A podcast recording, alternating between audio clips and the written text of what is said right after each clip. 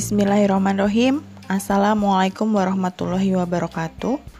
Selamat bertemu kembali dengan Ibu dalam mata kuliah pembelajaran matematika anak berkebutuhan khusus.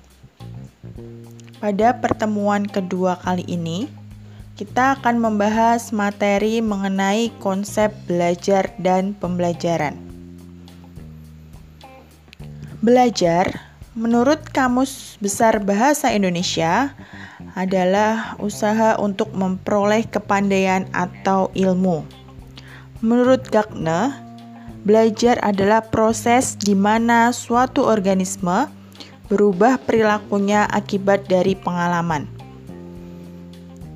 Sedangkan menurut Skinner, Belajar adalah suatu proses adaptasi atau penyesuaian tingkah laku yang berlangsung secara progresif. Dari beberapa pendapat ahli tersebut, dapat disimpulkan bahwa belajar merupakan perubahan tingkah laku sebagai akibat dari pengalaman dari lingkungan.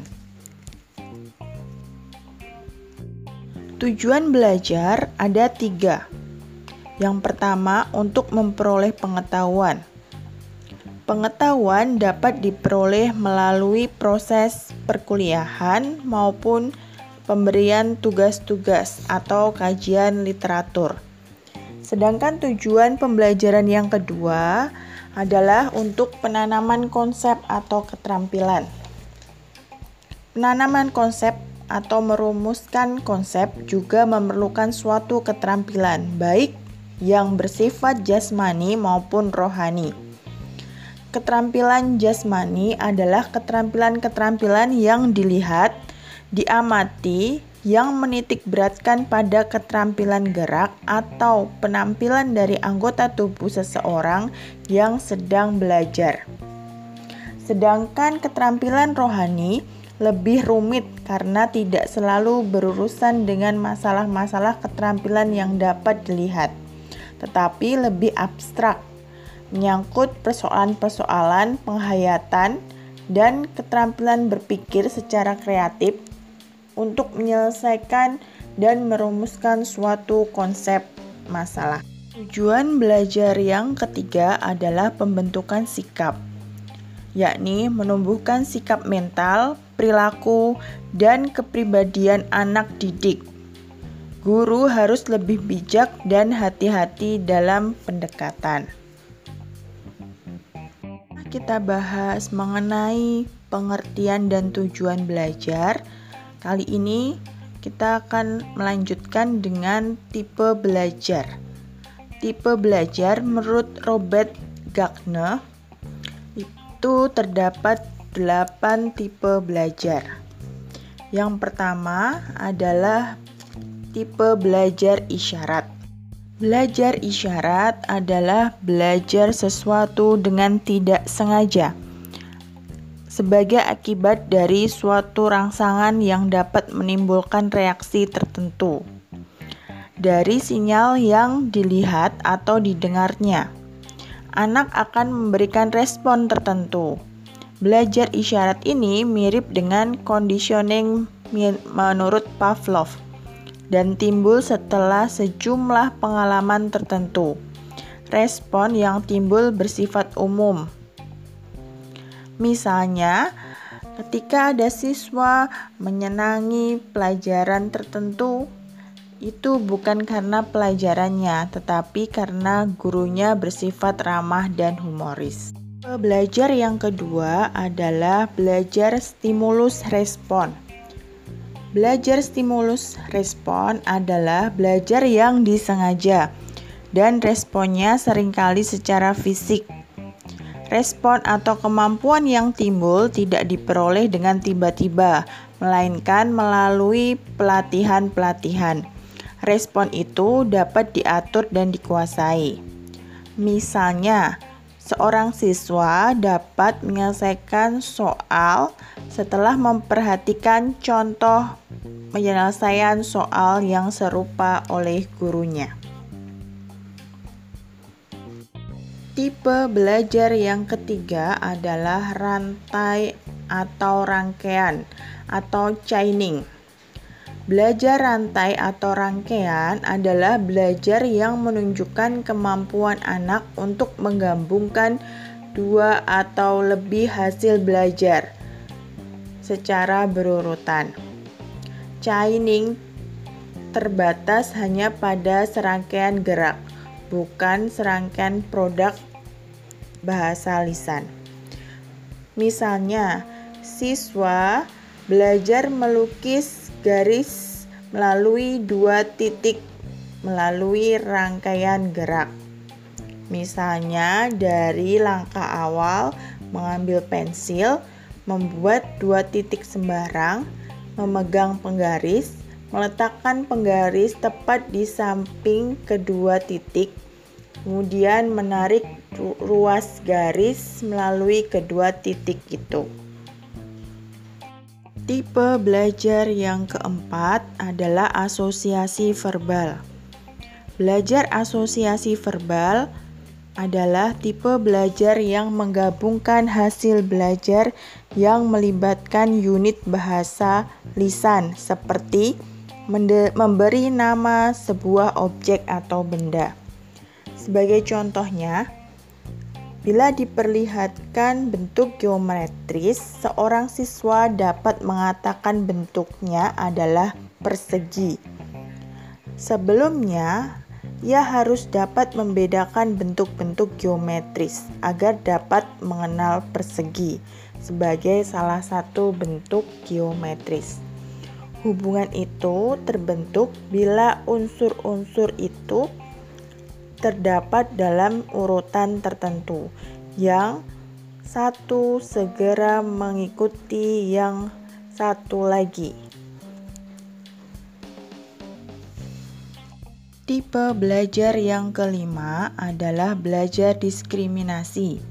Belajar diskriminasi adalah belajar untuk membedakan hubungan stimulus respon agar dapat memahami berbagai objek fisik dan konsep. Ada dua macam belajar diskriminasi yaitu belajar diskriminasi tunggal dan belajar diskriminasi jamak. Sebagai contoh belajar diskriminasi tunggal, siswa dapat membedakan lambang dari irisan dan juga gabungan dalam operasi himpunan.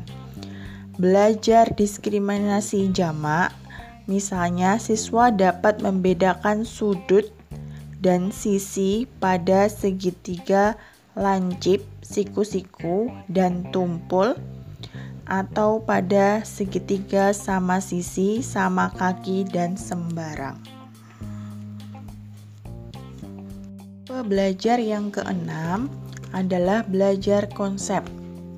Belajar konsep adalah belajar memahami sifat-sifat bersama dari benda-benda konkret atau peristiwa-peristiwa untuk dikelompokkan menjadi satu jenis. Untuk mempelajari suatu konsep, anak harus memahami berbagai situasi dan stimulus tertentu. Pada tipe belajar ini, mereka dapat mengadakan diskriminasi untuk membedakan apa yang termasuk atau tidak termasuk dalam suatu konsep. Melalui persamaan konsep, siswa mampu mengidentifikasi benda lain yang berbeda ukuran, warna, maupun materinya, namun masih memiliki karakteristik dari objek itu sendiri. Sebagai contoh belajar konsep, yaitu seorang siswa dapat dikatakan telah belajar konsep himpunan jika ia telah dapat menunjukkan kumpulan objek yang merupakan contoh himpunan atau bukan contoh himpunan. Tipe belajar yang ketujuh adalah belajar aturan. Tip belajar aturan adalah tipe belajar yang memungkinkan siswa untuk dapat menghubungkan dua konsep atau lebih untuk membentuk suatu aturan. Harus diingat bahwa mengenal aturan tanpa memahaminya akan merupakan verbal chain saja dan hal ini merupakan cara pembelajaran yang keliru. Seorang siswa dikatakan telah belajar aturan jika ia telah mampu mengaplikasikan aturan itu.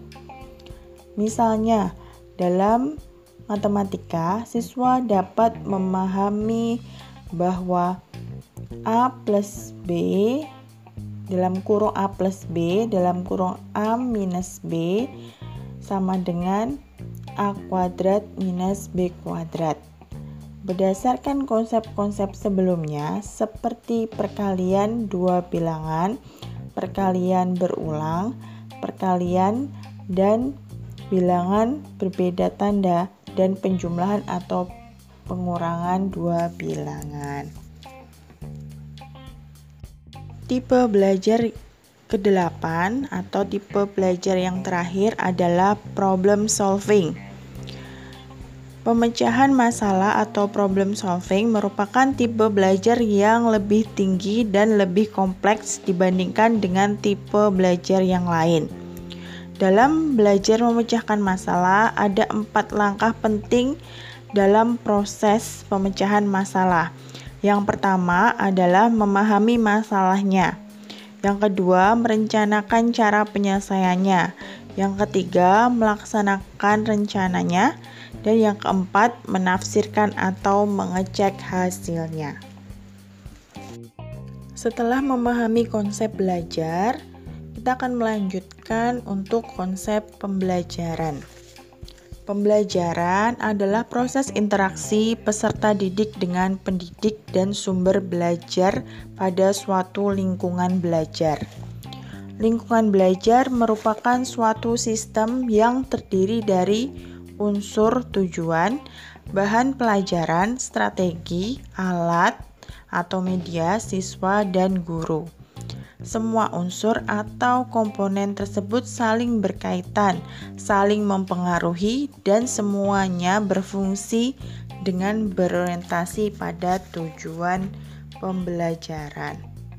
Ciri-ciri dari pembelajaran merupakan upaya sadar dan disengaja. Pembelajaran harus membuat siswa belajar. Tujuan pembelajaran harus ditetapkan terlebih dahulu sebelum proses dilaksanakan, dan pelaksanaannya terkendali, baik isinya, waktu, proses, maupun hasilnya. Menurut Bloom, Hasil belajar dan pembelajaran ada tiga, yaitu aspek kognitif, afektif, dan psikomotor. Oleh karena itu, dalam pembelajaran bagi anak berkebutuhan khusus, hasil belajarnya tidak hanya ditekankan pada aspek kognitif saja, jadi, kalian juga perlu memahami hasil belajar pada anak berkebutuhan khusus bisa dilihat dari aspek afektif dan juga aspek psikomotor. Sekian uh, penyampaian materi dari Ibu terkait pembahasan konsep belajar dan pembelajaran. Silahkan menambah referensi dari jurnal-jurnal yang terbaru. Salam sehat, tetap semangat, selamat belajar. Wassalamualaikum warahmatullahi wabarakatuh.